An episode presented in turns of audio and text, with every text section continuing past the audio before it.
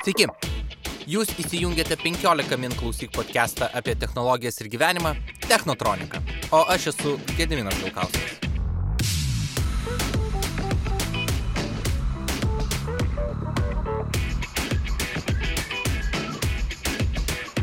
Šio epizodo tema - elektriniai paspirtukai. Kodėl staiga jie užplūdo miestų gatves ir kokius pokyčius tai sukelia jau dabar? Ir kaip tai gali pakeisti, kaip mes judame mieste? Štai mano portalas 15 min rašo, kad vien 2018-aisiais paspirtukų pardavimai išaugo penkis kartus. Vienas pasaulinių elektrinių paspirtukų nuomos startuolių Bird per porą metų tapo 2 milijardų dolerių vertės kompanija. CityB taip pat paleido šimtus paspirtukų į Vilniaus gatves dalinimuisi. Ir tai tampa vienu iš Talk of the Town. Visi turi nuomonę apie elektrinius paspirtukus. Aš taip pat svaršiau apie paspirtuką dar anksčiau, kaip antro šeimos automobilio pakaitalą. Ir berengdamas šį epizodą galutinai įtikėjau ir įsigijau paspirtuką. Kas darosi? Ir ar visa tai reiškia, kad mes išradome geresnį dviratį? Apie tai kalbuosi su Ignu Survila, startuolio Unicorn Scooters įkūrėjų. Šis startupas gamina paspirtukus skirtus dalinimuisi ir jų paspirtukai pasaulio gatvėse turėtų pasirodyti jau šių metų pabaigoje. O kol kūrėme šį epizodą, Unicorn Scooters paspirtukas buvo apdovanotas A-Design Awards sidabrų. Taip pat epizode kalbuosi ir su CityB, kurie užtvindė savo oranžiniais paspirtukais Vilniaus gatves vadovų Lukų Ila. Į klausimą, kodėl būtent elektrinis paspirtukas taip išpopuliarėjo, jie toj atsakys. O kol kas, prieš įdomų važiavimą, atsipūskite ir paklausykite trumpos informacijos. Technotronikos podcastą palaiko Startup Lithuania, geriausias startuolių draugas Lietuvoje. Ir jau šį mėnesį Startup Lithuania visus, kurie domisi naujausiomis technologijomis ir ketina kurti verslą, kviečia į konferenciją Startup Fair Change. Ji vyks gegužės 30-31 dienomis Vilniuje. Daugiau informacijos rasite puslapyje startupfair.lt. Primenu, kad Technotronikos podcast'o galima klausytis 15 min klausyk platformoje, o taip pat Spotify, Apple, Google Podcast, Stitcher ir kitose populiariose podcast'ų platformose. O dabar keliaujame pasivažinėti.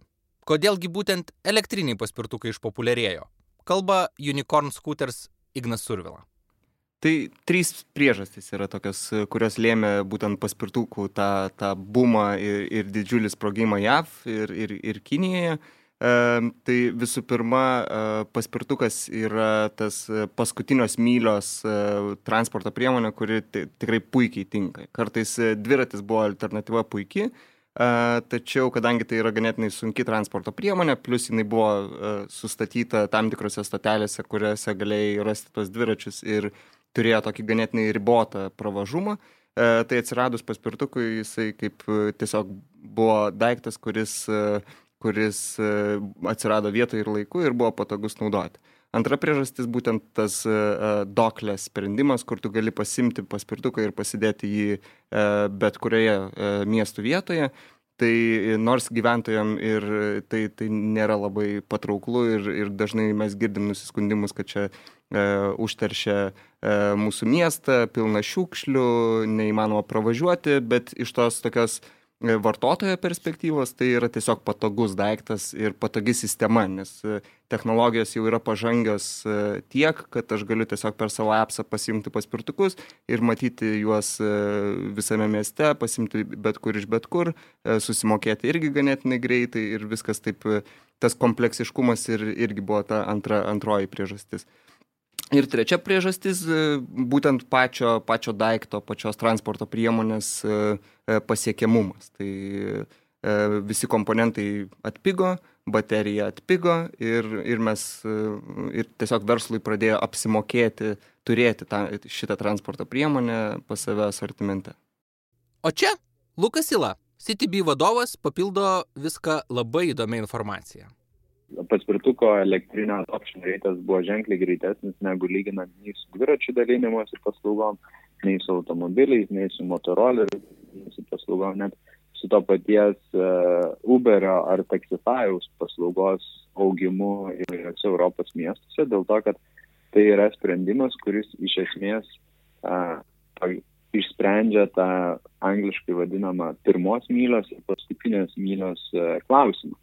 Nes daugeliu atveju, kodėl žmonės nesinaudoja viešojo transportu, nes tai yra argumentas, ai, aš esu priklausomas nuo maršruto, nuo, ir aš esu priklausomas nuo to, kad man dar reikia kažkaip nusigauti iki viešo transporto stotelės.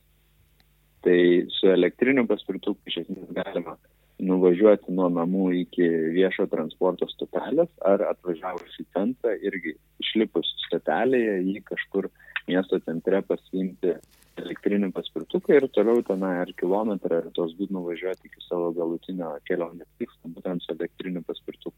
Tas pats gali vykti ir su nuosavais automobiliais. Tai nebūtina statyti automobilį Vokiečių gatvėje, kur yra brangiausiai kainuojantis automobilio parkavimas, bet galima jį pasistatyti šiek tiek atokiau, šiek tiek tolėliau ir tiesiog e, kelionę toliau pabaigti elektriniu paspirtuku. Šiaip man buvo smalsu, kodėl neišpopuliarėjo pavyzdžiui Segway. Truputį pasidomėjau ir jis buvo visiška priešingybė dabar viską užkariaujančiam elektriniam paspirtukui. Tik segvėjui atsiradus, jis kainavo 5000 JAV dolerių. Tai buvo 2001. Ir sunkiai tikėtina, kad tai įgautų mastą vien dėl kainos. Tačiau jis buvo dar ir sunkus ir galų gale, jeigu esate kada nors važiavę Segway, jūs žinote, kad tikrai nėra lengva su juo važiuoti. O paprastumas yra svarbus bet kokios inovacijos proveržiui. Ir jau visiškai ironiška, kad Segway kompanijos savininkas nukrito nuo olos važiuodamas Segway ir užsimušė. Bet tęsiam toliau. CityB paslauga Vilniuje veikia jau mėnesį ir paklausiau Luko, kaip žmonės reaguoja į elektrinius paspirtukus. Matome, kad yra didžiulis poreikis ir noras žmonių išbandyti būtent elektrinių paspirtukų dalinimosi paslaugą. Tai sakykime, Vilniaus mieste mes, manau, kad visi jau praeitais metais matėme būtent didžiulį bumą tų elektrinių paspirtukų, kada žmonės nuo savais važinėjasi mieste ir atrodė tuo metu, kad tas elektrinis paspirtukas yra mieste ant kiekvieno kampo.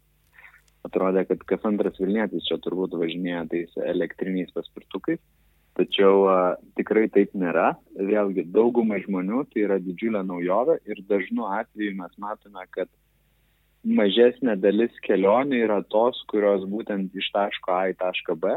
Dažniau tokiamis kelionėmis važiuoja tie žmonės, kurie jau praeitais metais turėjo nuosavą elektrinį paspirtuką ir žino, kaip šita technologija, mobilumo sprendimas veikia. Tie, kas neišbandė ir nežino, tai jie dažnu atveju tą elektrinį paspirtuką pasiema pramogai, tiesiog pasivažinėti mieste 20 minučių, pusvalandį, savaitgaliais matome kelionių, kurios netgi trunka ilgiau negu valandą. O čia kalba mano kolega Žilvinas Pekarskas, 15 minučių rubrikos gazas redaktorius, socialiniuose tinkluose garsėjantis kaip Žilvarskas.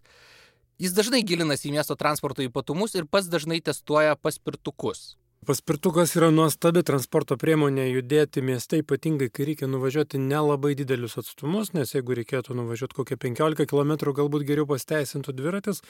Ir be abejo, paspirtukų nuomos paslauga ir jos populiarumas tą ir įrodo, kad ryte tik spėjo išbarstyti paspirtukus oranžinius po miestą nuomotojai, o po pusdienio jau iš principo negalima rasti centre bent jau ne vieno įkrauto paspirtuko. Taigi žmonės jais labai aktyviai naudojasi, nes aišku tai yra mada, bet kita vertus man, man regis taip yra dėl to, kad tai yra tikrai labai patogu, kai nori nesušilti ir labai greitai iš kokio nors na, nuo, nuo edukologijos, tarkim, universiteto pasiekti arkikatedrą, tarkim, labai greitai. Tai labai patogu. Bent jau man stebint aplinką, atrodo, kad iki šiol judėjimas mieste būdavo pasiskirstęs į kelis pakankamai uždarus ratus. Vienas.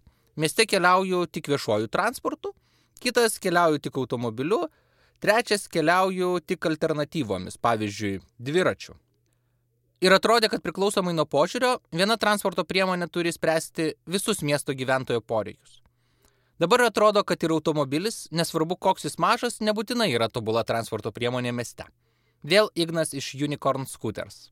problema yra e, ne, net ne ta, kad mes važinėjom tais dvitoniais didžiuliais automobiliais ir mes juos naudojam, nes tie daiktai, kurie, kuriuos mes naudojam kasdienybėje, jie iš tikrųjų sukurti puikiai. Jie, jie atlieka funkciją, kai mes važiuojam prie jūros, mes važiuojam į kitą šalį, mes važiuojam didesnį atstumą, vežam vaikus į, į ten patostogauti, tai automobilis dvitonis dyzelinis benzininis elektrinis čia jau jokio skirtumo jisai tiesiog atlieka puikiai funkciją.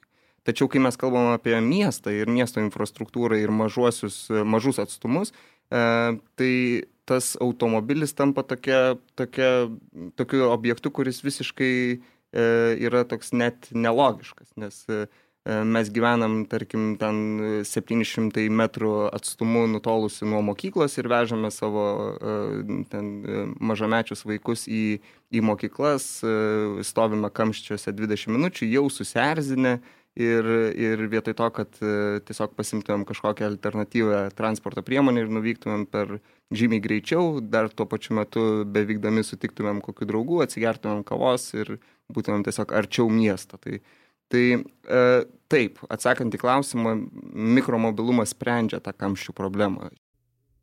Lukas pasakoja, kiek su automobiliu vidutiniškai važiuojame mieste.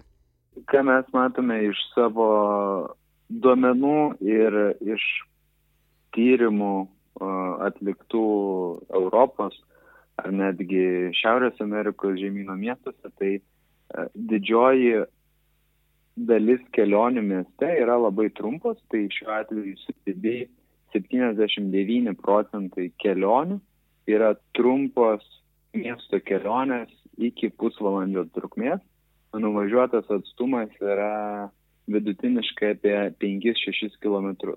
Ta pati kalba ir pasaulinė statistika, kuri lygino miestus ir New Yorkas, ir Londonas, ir Paryžius, ir Milanas, ir Berlynas, ir Hamburgas, ir Frankfurtas, ir, ir begalė kitų Europos miestų, tai buvo nustatyta, kad iki maždaug 70 procentų kelionių mieste yra iki 5 km atstumu.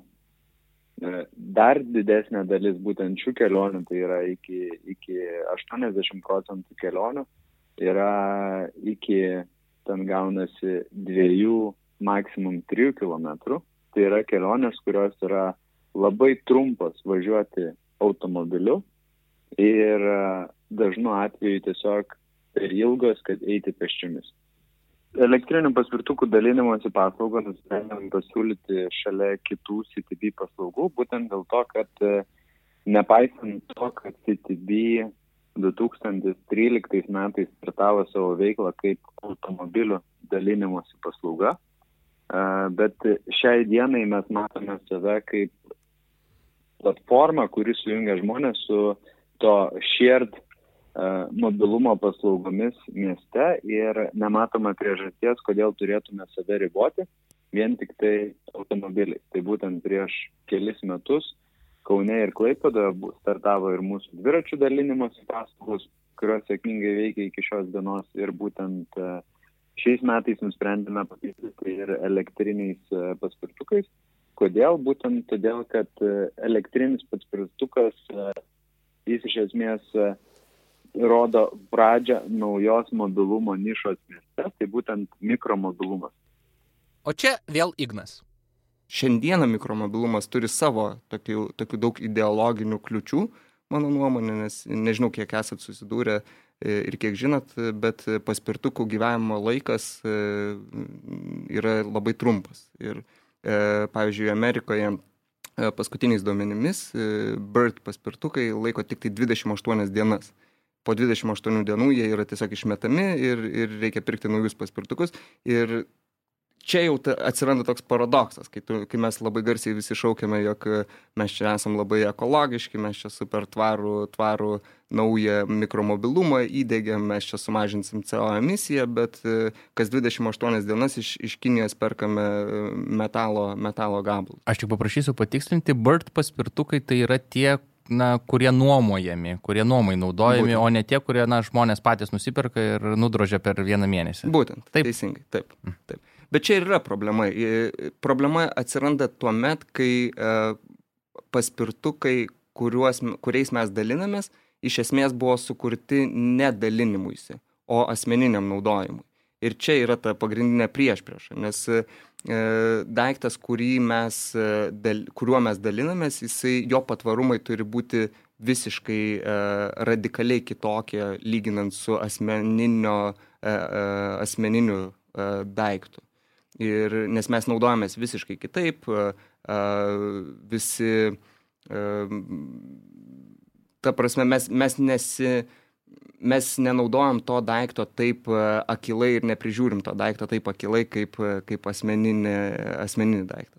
Nors paspirtukų potencialas didelis, man atrodo, kad jų plėtros galimybės mūsų šalyje gali riboti trumpas naudojimo sezonas. Visgi Ignas su manimi nesutinka. Vėlgi, viskas čia yra mūsų galvoj. E, geras, blogas oras, mes galim prisigalvoti be galo daug kliučių, kodėl nevažiuoti paspirtuku ar dviračiu, ar, ar kodėl ne, neiti pėsčiomis. Uh, visą laiką bus greičiau, patogiau, paprasčiau, nors iš tikrųjų gal net tai, tai nebus tiesa. Aš pats gyvenau Rovaniemi mieste, Laplandijai, prieš šešerius metus ir kiekvieną dieną važinėdavau dviračiu Laplandijai prie ten minus 20 e, pusnys ir, ir, ir ledas ir sniegas e, ir važinėdavau tiesiog kiekvieną dieną 6 km pirmin atgal.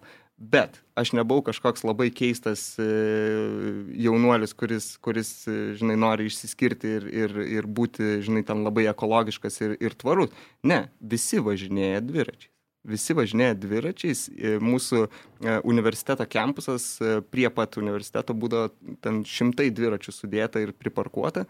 Ir vaizdas yra iš tikrųjų keistas ir stulbinantis, nes aplinkui yra tiesiog didelės pusnis ir, ir daug sniego. Tai viskas yra finale mūsų galvose. Ok, tai ką reikėtų lietuviams galvose pakeisti, kad jie pradėtų, na, daugiau važinėti, nes taip vienas iš tų dalykų, kodėl aš kartais pagalvoju, na, kad šita transporto priemonė ne man, yra tai, kad, okei, okay, labai trumpas naudojimo sezonas. Ir, ir, ir, ir ką man reikėtų galvoje pakeisti, nes aš tikiu, kad na, taip masto kaip aš ne vienas ir tai absoliuti dauguma.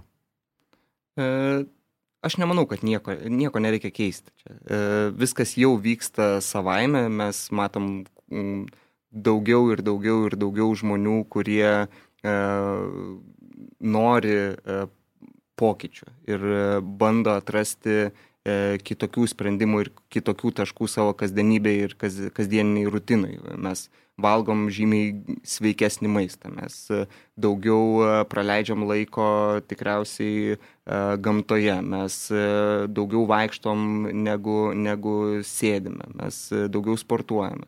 Ir lygiai tas pats yra su, su alternatyviu transportu. Tai aš manau, kad iš dalies tai yra trendas, bet tas trendas formuojasi iš labai, iš, iš labai aiškios problemos. Tai mes jau šiandieną matom pokyčius. Tai aš nemanau, kad nieko priverstinai mes čia nepadarysime ir ne, nesustatysim tam tikrų taisyklių, kaip čia dabar turėtų būti ir nesakysim, kad paspirtukas yra tas, tas transporto, ta transporto priemonė, kuri čia pakeis pasaulį, nes gal iš tikrųjų, kai bus minus 20, aš pats ant to, nesistosiu ant to paspirtuko, nes man bus tiesiog nekomfortabilu. Bet gal 20 metų perspektyvoje mes turėsim tokią infrastruktūrą ir tokias transporto priemonės, kur mes galėsim, naudo, kuriomis galėsime naudotis ne tik tai E, ten se, sezonu vasarą, o, o bet ir žiemą. Kalbant apie elektrinius paspirtukus, negalima išvengti saugumo temos ir santykio su kitais eismo dalyviais. Dabar ne tik Lietuvoje, bet ir užsienyje girdisi daug nepasitenkinimo, kad paspirtukininkai pavojingai manevruoja aplink pėsčiuosius, kad bet kur palikinėja paspirtukus, o galų gale jie ir patys savo kelia didelę grėsmę, juk maži ratai labai lengvai kliūna už visų grindinio neligumų, o kažkaip tai jie nesideda apsaugos šalmų. Štai berošiant šią laidą išlindo informacija, kad nuo rugsėjo Paryžiaus šalygatviais važiuojantis elektrinių paspirtukų vairuotojai bus baudžiami 135 eurų baudomis. Elektriniais paspirtukais bus leidžiama važiuoti tik dviračių juostomis arba šalikelėmis. Įvairūs draudimai atsiranda ir kitose miestuose. 15 min portale prie teksto apie elektrinių paspirtukų ribojimus skaitytojų buvo klausima, ar reikia tokių draudimų ir Lietuvoje. 56 procentai atsakė, kad ne, tegu važinėja šalygatviais, vietos užteks visiems. Panašu, kad mūsų paspirtukininkai visai dar kultūringi ir neužkniso. Bet stebint visą šį procesą iš šalies, akivaizdu, kad dėka itin sportaus elektrinių paspirtukų populiarėjimo, tam nėra pasiruošę nei paprasti žmonės, tam nėra jokių reguliacijų ir nėra susiformavusi naudojimo kultūra. Iš to ir kyla visa įtampa. Naujovė jau keičia mūsų kasdienybę, o visi procesai ir požiūris vis dar yra seni. Su savo pašnekovais panagrinėjau tai plačiau. Pirmas - mano kolega iš 15 min - Žilvinas. Važinėju įvairiais maršrutais. Vienas populiariausių tai be abejo iš mano gyvenamojo rajono Pilaitės iki edukologijos universiteto ar iki miesto centro. Tačiau tenka važinėti ir po žvėryną, ir šiandien važiavau nuo savivaldybės, sakykime, iki edukologijos. Tai maršrutai patys įvairiausi, kaip atrodo tos kelionės, labai įvairiai. Turbūt kelionės atrodymas pirmiausia priklauso nuo trasos kokybės, trasos dviračių takų, nes paspirtukai, kurių galia iki 1 kW, maksimalus techninis greitis iki 25 km per valandą, jie prilyginami dviračiams, taigi jų vairuotojai, tokių paspirtukų vairuotojai turi elgtis lygiai taip pat kaip dviratininkai. E, taigi jie gali važiuoti dviračių takais. E, arba jeigu jų nėra, tai tuomet be abejo šalygatvių, arba nėra šalygatvių, tai šalykelio kuo arčiau dešinės pusės. Tačiau mieste be abejo stengiamės važinėti būtent dviračių takais, dedikuotais dviračių takais, arba hybridiniais, kurie padalinti per pusę su pėsčiųjų e, juosta. Tai galiu pasakyti, kad be abejo pėstieji neveltui burnoja ant paspirtukininkų, nes dažniausiai negirdi, kad paspirtukas atvažiuoja, išsigasta, tačiau pritariu ir tiems paspirtukininkams, kurie burnoja ant pėsčiųjų, nes pėstieji tikrai grybauja ir jie tikrai nesitik ir nesidairo, nežiūri, ar atvažiuoja paspirtukas ar dviratis. Galbūt tai yra tik laiko klausimas. Tai jeigu pasakyti, kaip atrodo ta kelionė paspirtuku, tai yra du momentai. Vienas yra pėstieji, kurių tikrai labai labai labai reikia saugotis ir pagal kelių eismo taisyklės dviratininkas arba paspirtukininkas ir privalo sumažinti greitį privažiavęs prie pėsčiojo, taip kad jo neišgazdintų iki 3-5 km per valandą. Tai viena medalio pusė, kita medalio pusė yra paviršiai, kuriais mes važiuojame. Tai netgi naujasis dviračių takas e, Europos link Europos prekybos centro, tai Konstitucijos prospekte. Tai tos trinkelės taip sudėtos, kad važiuojant paspirtuku dantis, na, beveik kalena. O tai ko gero žymiai patogiau yra važiuoti tais dviračių takais, kurie yra vientisi, kurie yra ne iš trinkelių padaryti, tai Žodžiu, kai kuriuose vietose važiavimas yra didžiulis malonumas, na, kai kur tai yra tam tikras sportas, kaip, kaip e, ištvermės lenktynės motociklų, bet kita vertus ir važiuojantis paspirtuku juk nori ne tik nuvažiuoti iš taško A į tašką B, bet patirti įspūdžių, tai ačiū dviračių takų tiesėjams, kurie palieka ir dobių, ir gilių plėšių, neteko girdėti kol kas, kol kas, kad paspirtukininkas patirtų traumą bet manau, kad tam yra visos galimybės, todėl e, reikia važiuoti tikrai labai atsargiai ir galvoti nuolatos, dairytis nuolatos, galvoti apie savo saugumą ir apie aplinkinių saugumą, nes paspirtukas iš esmės, kadangi jis važiuoja iki 25 km per valandą, jis yra pavojingas ginklas. Tęsė Ignas iš Unicorn Scooters. Tai iš, iš tikrųjų saugumas taip ne, ne, ne, netirštinant ir, ir, ir nebandant čia kažkaip įtaikauti, tai pataikauti, tai yra to svarbiausia dalis. Tai be jokios abejonės. Ir mes visi turim vėlgi kompleksiškai į, į tai ir atsakingai žiūrėti į, į, į šią kryptį. Nes labai gerai pastebėjote, kad kad e, ne vien tik tai nuo pačio paspirtukininko arba paspirtuko vairuotojo priklauso e, jo tam tikri sprendimai, bet mes esam dalis visos miesto infrastruktūros, kurioje vaikšto e, senyvo amžiaus žmonės, kurioje vaikšto jauni žmonės, kurioje vaikšto mamos su mažais vaikais, kurioje važiuoja dviračiai, automobiliai, viešasis transportas ir taip toliau. Ir vėlgi, tai, tai yra tokia kompleksiška, kompleksiška problema, kurią spręsti turi visi. Savivaldybės, puikiai infrastruktūra, nuvažiavimai, tvarkingai atskirta nuo, nuo didžiųjų dvitonių transporto priemonių, kurios galėtų kelti grėsmę, e, tam tikri atstumai nuo dviračių takų, e, nuo, nuo praeivių takų, nuo, nuo pešiųjų takų ir taip toliau. E, taip pat verslas vėlgi, saugumas, privalom turėti visus reglamentus, atitikti visus ES standartus, stabdžių sistemos, e, pačio, pačio paspirtuko konstrukcija, jisai privalo būti saugus, saugi transporto priemonė, šalmai, e, apsaugos, vėlgi tai yra labai mažo, uh, mažo diametro uh, ratai ir, ir man yra neįtikėtina, kaip žmonės kartais važiuoja dideliu greičiu, 25 km greičiu su ta transporto priemonė ir nedėvi šalmų. Nes e, pasiekmes gali būti žvėriškos ir, ir mes patys turim saugoti save. Jeigu verslas dar negali suteikti ta, tų šalmų ir įdėkti tų šalmų dėl tam tikrų uh, aplinkybių, tai patys žmonės turėtų pasirūpinti savimi lygiai taip pat kaip rūpintis ir kitais. Jeigu e, mes matom didelį e, kamštį Gedimino prospekte pėsčiųjų take, tai nevažiuokim ten 25 km per valandą greičiu. Tai labai paprasta. Aišku, čia utopiška, tačiau e, ir, ir aš netmetu galimybės, kad reguliacija privalo būti. Bet kokiu atveju taisyklės ir taisyklių rinkinys ką dabar didžiosios ES savivaldybės ir daro ir bando į, įteisinti tam tikras taisyklės. Tačiau labai gerai pastebėjote, kad tos taisyklės ir tas reglamentas negali, um, negali stabdyti viso inovacijos proceso. Čia yra labai svarbu, nes mes galim be jokios abejonės uždaryti e, keturiom sienom e, šitą visą mikromobilumo bumą ir, ir tiesiog įdėkti taisyklės e, E, kuriuose negalėsim daryti nieko. Bet kas iš to?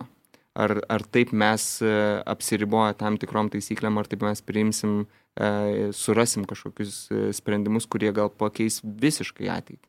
Tai čia toksai yra labai kompleksiškas vėlgi klausimas, kuris liečia labai daug dalių ir dėl to tiek bavariškoji Vokietija, tiek, tiek UK ir, ir, ir Niderlandai sprendžia, sprendžia intensyviai ir neranda taip lengvai sprendimo. Ir e, mes turim visuom, vis tokį valstybinį, valstybinę reguliaciją, e, tuomet mes turim begalę savivaldybinių reguliacijų ir, ir taip toliau. Tai mm, yra tiesiog labai kompleksiškas klausimas, e, kuriam spręsti reikia dialogo ir daug dialogo. Ir, ir visa ta informacija, kurią mes gaunam dabar apie išmėtytus paspirtukus, apie, apie jų e, ten per didelę kainą, apie, apie e, užtvertus kelius. Į tai reikia žiūrėti ne kaip į problemą, o kaip į procesą. Ir tada, kai mes, kai mes žiūrėsim į tai kaip į, į dalį tokios, e, dalį to didžiojo tikslo, tada viskas netrodys taip baisu tada mes tiesiog išsprendę šitas problemas, nes mes jų negalim ignoruoti. Aš nesakau, kad mes turim, žinai, tiesiog čia kaip buvo nutikimas Amsterdame, kur OFO dviračių dalinimosi paslauga kinų, kinų startuolis išmetė ten tūkstančius paspirtų e, dviračių, e, net nepasitarė su savivaldybė ir sakė, va čia bus taip. Tai savivaldybė nieko nelaukus be jokios abejonės uždarė ir, ir, ir, ir tiesiog atsisakė tos paslaugos ir dabar niekas negali Amsterdame e, įeiti į, į tą rinką. Tai ne, nesiūlau ignoruoti, siūlau labai e, atidžiai įsiklausyti, ką sako žmonės, ką sako verslas, ką sako savivaldybės, ką sako E, teisininkai, ką sako e, saugumo e, visų reglamentų kuriejai ir, ir visi kartu diskutuojant mes priimsim sprendimą, kuris bus geriausias. E, tuo pačiu vartotojai lygiai taip pat, jie yra viso rato dalis, jie turės e, būti atsakingi. Mes lygiai taip pat, kaip mes parkuojame automobilius tam tikrose vietose, neužtveriam E, kelio e, vaikams su, arba mamoms su vežimėliais arba riboto pravažumo žmonėm, lygiai tas pats galios ir paspirtukams, lygiai tas pats e, bus ir dviračiams, lygiai tas pats jau dabar yra. Tai to samoningumo ir, ir to tokio kompleksiško matymo šitos paslaugos jo trūksta. Ir, ir reikia edukuoti žmonės, reikia šviesti žmonės, reikia suprasti, kad visi mes esam dalis kažkokio pokyčio, kuris, kurį įgyvendinus mes, mums visiems bus geriau. Žinai, mes, mes visi e, finale nuo to būsim tik laimingesni ir, ir mus visus tai palies. E, ir visiškai nesvarbu dabar šitą mini detalę, ten kainos e, netinka, e, ten dar įvairiausių problemų, vandalizmas ten ir, ir taip toliau ir panašiai. Šitos smulkmenos, aš manau, jos ilgalaikį tik tai, tik tai mažės ir finale mes išsigryninsim ir turėsim uh, to, tokią mikromobilumo industriją, kurio, be kurios tiesiog mes negalėsim gyventi. O čia CTB Luko išvalgos. Tai artimiausiu metu vėlgi mes ką planuojame daryti, tai ir darome tai ne tik edukacija ir pasakojimas, kaip reikėtų naudotis tą mobilumo, būtent mikromobilumo paslaugą mieste, bet ir planuojame visai netrukus pristatyti visiškai naują dalyką, tai yra būtent civilinės atsakomybės draudimas elektriniam paspirtukam. Tai yra, kad e, važiuodamas elektriniu paspirtuku tu esi saugus, kad jeigu netyčia dėl savo neapdairumo ar, ar e, dėl kažkokių kitų priežasčių sukeltum žalą pačiai šaliai, tai būtų draudimas, kuris e, tą žalą atlygintų.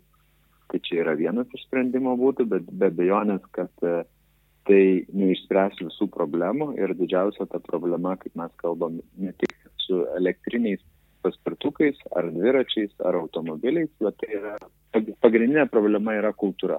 Bet kokią transporto priemonę, kokią mes paimtim. Ar tai būtų viešas transportas, kur dažnai turbūt visi prisimena, kad viešajame transporte būdavo ir šiukšlių kiek paliekama, ir sėdynės aprašinėjamos, ir supjaustomos, ir ten begalė kitų blogų dalykų. A, tas pats automobilio, prisiminkime prieš dešimt metų, kokia, kad buvo turbūt gal net ir daugiau nemadinga sektis uh, saugos diržą. Buvo manoma, kam jisai reikalingas. Uh, buvo ženkliai daugiau neblaivių vairuotojų už uh, automobilio vairo negu kad dabar. Uh, ir ta kultūra, jinai apskritai buvo ženkliai žemesniam lygyje negu kad palygintume dabar. Ir prisiminkime, prieš kokius lygiai taip pat 10-15 metų dvirat, dviratininkam tikrai nebuvo saugu važinėti gatvėse, nes patys automo, patiem automobilių vairuotojams buvo neįprasta, kas čia per dviratininkas važiuoja važiuojamąją kelio dalimi, kaip čia man dabar elgtis. Tai be bejonės, kad uh, tam reikia laiko, elektrinis paspirtukas ir tas mikro miestų mobilumas yra visiškai naujas dalykas ir šita sritis yra dar labai ankstyvoje stadijoje, tai būtent galima pasakyti iš to, kad šiai dienai nėra nei vieno sukurto elektrinio paspirtuko, kuris būtų šimtų procentų pritaikytas e, dalinimosi rinkai, tam miestų naudojimui. Tai daugeliu atveju paslaugos naudoja uh, tuos paspirtukus, kurie yra pritaikyti žmonių asmeniniam naudojimui Sergejus yra paruošęs kelis modelius, kurie, kurie būtent adaptuoti, adaptuota ta asmeninio naudojimosi versija, tai panaikintos tam tikros detalės, kurios e, lankstosi, kurios greitai lūšta, e, bet taip pat e, pagamintas specialus funkcionalumas, kuris leidžia pajungti tą paspirtuką į, į, prie, į bet kokią platformą ir galima būtų jį aktyvuoti kaip dalinimosi paslaugai skirtą mobilumo priemonę. Tai daugelis dar mes kalbam apie tokią labai ankstyvą stadiją, kuri toliau tik taip plėsis ir auks ir tam būtina kultūro, būtinas kultūros kelimas ir vartotojų.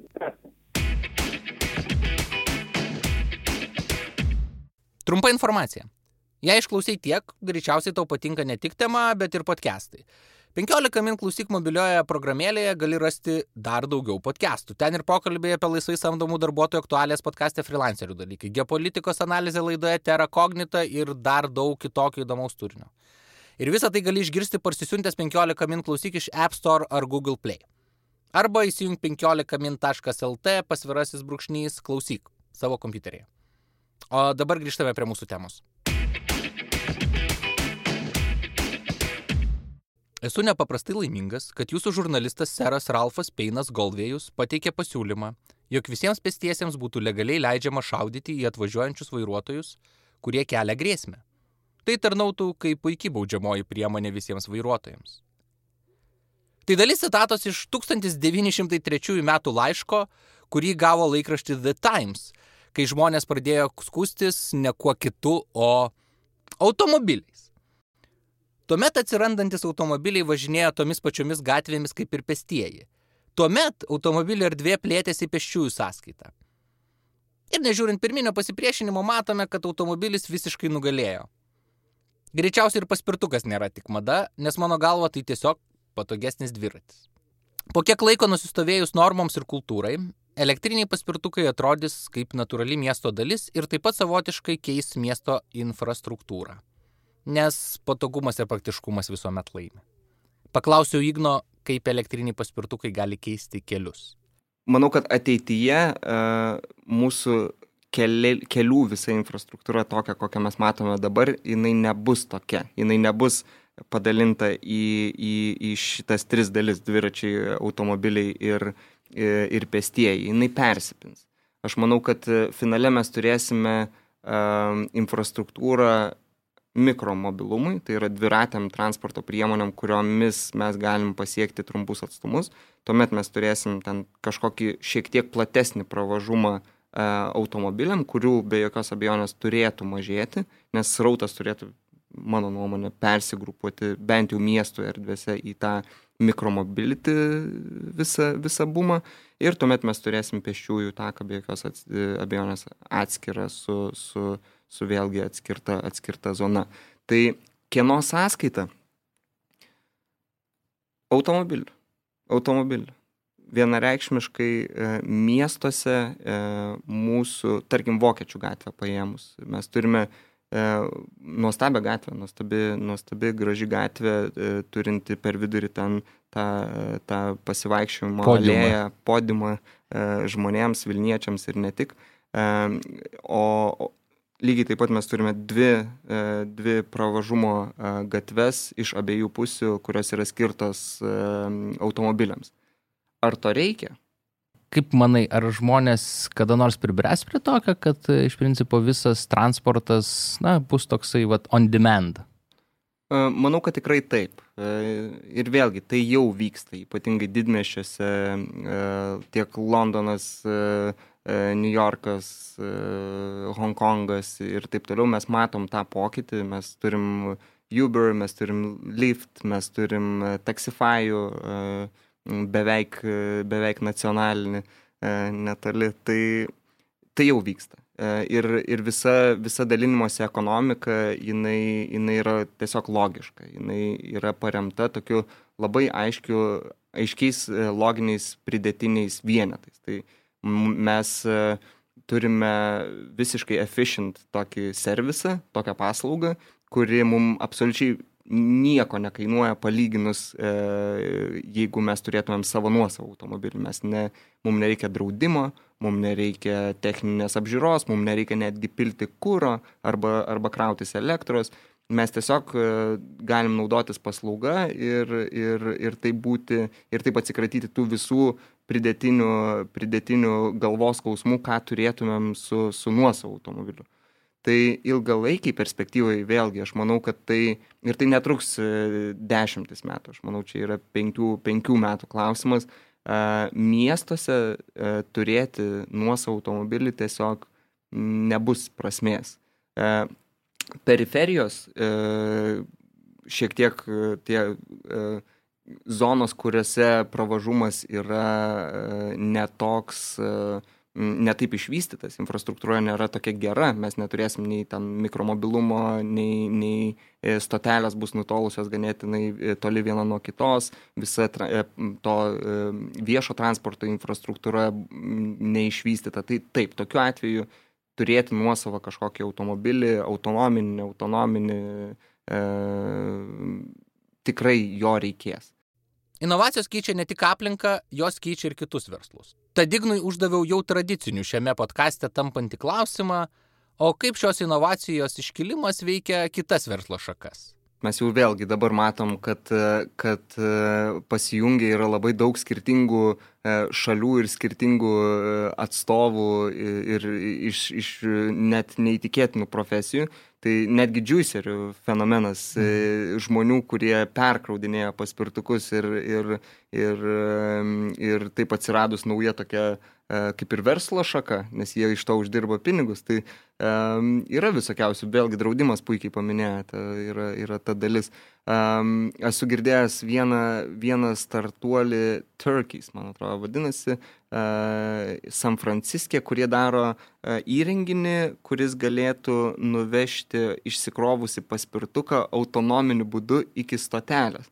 Vieno arba dviejų kilometrų per valandą greičiu. Tai yra toks, vėlgi, kažkokia atsiranda naujos kryptis, nau, e, mes turime platformą, lygiai taip pat kaip mes turėjom e, iPhone ir, ir dabar turim šimtus appsų, lygiai taip pat e, yra su mikromobility. Mes turim mm, platformą, prie kurios gali jungtis bet kas, iš esmės. Tai tiek teisinė bazė, tiek savivaldybės, tiek, tiek infrastruktūra, tiek draudimas, tiek tiek vat, įvairiausi, įvairiausių įrenginių dizainas. E, tos pačios baterijos ir, ir taip toliau. Be to, manome, jog e, e, rinka lygiai taip pat kaip visos automotive industrijos ilgalaikiai perspektyvoje mikromobility atrodys panašiai. Mes turėsim dešimtį skirtingų kompanijų su skirtingais identitetais, su skirtingu dizainu, su skirtingom funkcijom ir galėsim tikrai pasirinkti iš, iš didžiulės paletės. E, Ta pati matome, kad pats Automotive e, supirkinėja paspirtukų gamintojus arba paspirtukų operatorius. Tai Fordas ne per seniausiai nusipirko įmonę Spin uh, už ten daug, daug šimtų milijonų JAV dolerių. Um, tai rodo tokį žingsnį ir, ir, ir tos tradicinės dvi, dviejų tonų industrijos ėjimo į, į, į tą šiek tiek mažesnį mastelį. Ignas paminėjo džiuserius. Jiems kai kurios elektrinių paspirtukų dalinimuose kompanijos užsienyje moka už tai, kad jie rastų bei išsikraunantį paspirtuką ir jį pakrautų. Kiek džiuseriai uždirba priklauso nuo to, kiek paspirtukas išsikrovęs. Kuo labiau jį reikia pakrauti, tuo brangiau mokama. Kaina būna tarp 20 ir 30 dolerių. Įdomiausia, kad patys džiuseriai dar ir sugalvojo, kaip pasinaudoti sistema ir uždirbti daugiau pinigų. Jūs tik paklausykite. Štai Slate.com rašo, kad norėdami uždirbti daugiau pinigų, džiuseriai pradėjo slėpti paspirtukus, kol šie išsikraus. Appsas rodo, kad aplinkui yra paspirtukai, kuriuos reikia pakrauti, bet kai kurie džiuseriai įsigudrino juos slėpti taip, kad kiti nerastų. Tuomet, kai paspirtukas beveik pilnai išsikrauna, džiuseris aferistas jį pakrauna ir gauna maksimalų atlygį. Vienas dalykas, ko aš tokiems žmonėms tikrai pavydžiu, yra tokio lygio kūrybiškumas. Bet panašu, kad ir džiuseriams ateina galas. Štai Lukas iš CTB. Šiaip žvelgiant iš džiuserio perspektyvos, tai jeigu pasiskaityti dabar naujausius straipsnius, tai rastumėt informaciją, kad didieji žaidėjai jau atkando tokią veiklos modelį ir mato, kad jis nėra sustainable. Kitas dalykas, kad daugelį Europos šalių tai yra ir tam tikri mokestiniai niuansai, kur šis modelis negali veikti tarkim, kiek dabar va, teko diskutuoti su kolegomis Lenkijoje, nes tenai taip pat turime elektrinių paspirtukų dalinimosi paslaugą. Tai pavyzdžiui, Lime, kaip veikia su savo tais juiceriais, tai man atrodo, kad jų tas modelis jau netgi yra ir uždraustas Lenkijoje. Ir jie buvo priversti samdyti įmonę, kuri teikia šitą paslaugą mes matome, kad vidinis darbuotojas, jisai vėlgi su džiuseriais yra tai, kad tai yra nuolat besikeitantis darbuotojai. Tai yra vieni pabando, pasižiūri, aha, nepavyksta uždirbti tiek, kiek planavau ar svajojau, jie atsisako būti džiuseriais, tada jie vėl nauji žmonės, na, panašios problemos, su kuriamis iš esmės susiduria ir uh, raičeringo žaidėjai. Pavyzdžiui, Uberis, Uberio didžiulė problema yra, kad uh, nuolatinė yra darbuotojų rotacija. Tai su nuosavais darbuotojais, kurie pas mus dirba ilgą laiką, tai tu išvengi tos darbuotojų rotacijos problemos. Kitas dalykas, kad vėlgi mes matome, kad žmogus tada aktyviau siūlo įvairiausias inovacijas, naujoves, siūlo kaip pagerinti procesus, nes jis iš tikrųjų nu, galvoja apie savo kasdienį darbą ir apie įmonės galutinę naudą. Jis nemato kaip įmonės tik tai laikinos kelios, kur vat, papildomai dasidūriau ten keliasdešimt ar kelis šimtus eurų. Na, o kaip paspirtukus tuomet pakrauna CTB? Turime jau išdirbtus procesus, turime komandą, kuri prižiūri automobilius, prižiūri dviračius, tai tiesiog tai komandai uh, nebuvo kažkokia naujovė tie patys elektriniai paspirtukai, kad juos reikėtų, uh, ką noriu paminėti, tai paspirtukai yra surenkami ne tik tai nakties metu, kada reikia juos surinkti, nuvežti į mūsų sandėlį, pakrauti, nuvalyti, nuplauti ir, ir atlikti kitas uh, techninės prie, kitą techninę priežiūrą, bet lygiai taip pat tai vyksta ir dienos metu. Tai jeigu paspirtukas išsikrauna, tai vėlgi turime komandą, kuri važinėja ir dienos metu, surenka paspirtukus, juos pakrauna ir vėl gražina į miestą. Tai tas yra nenutrūkstantis procesas. Ir gali būti, kad Unicorn Scooters turės sprendimą, kuris bus įdomus ne tik CTB, bet ir kitiems elektrinių paspirtukų nuomos rinkos žaidėjams.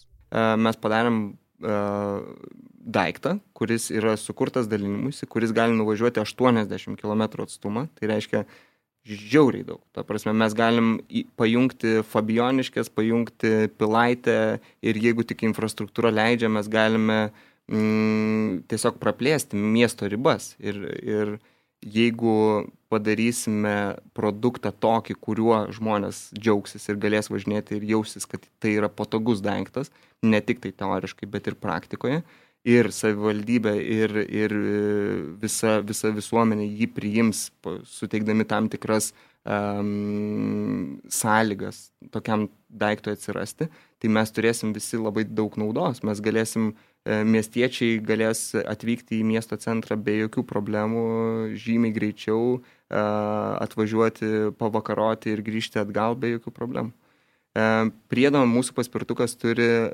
keičiamą bateriją.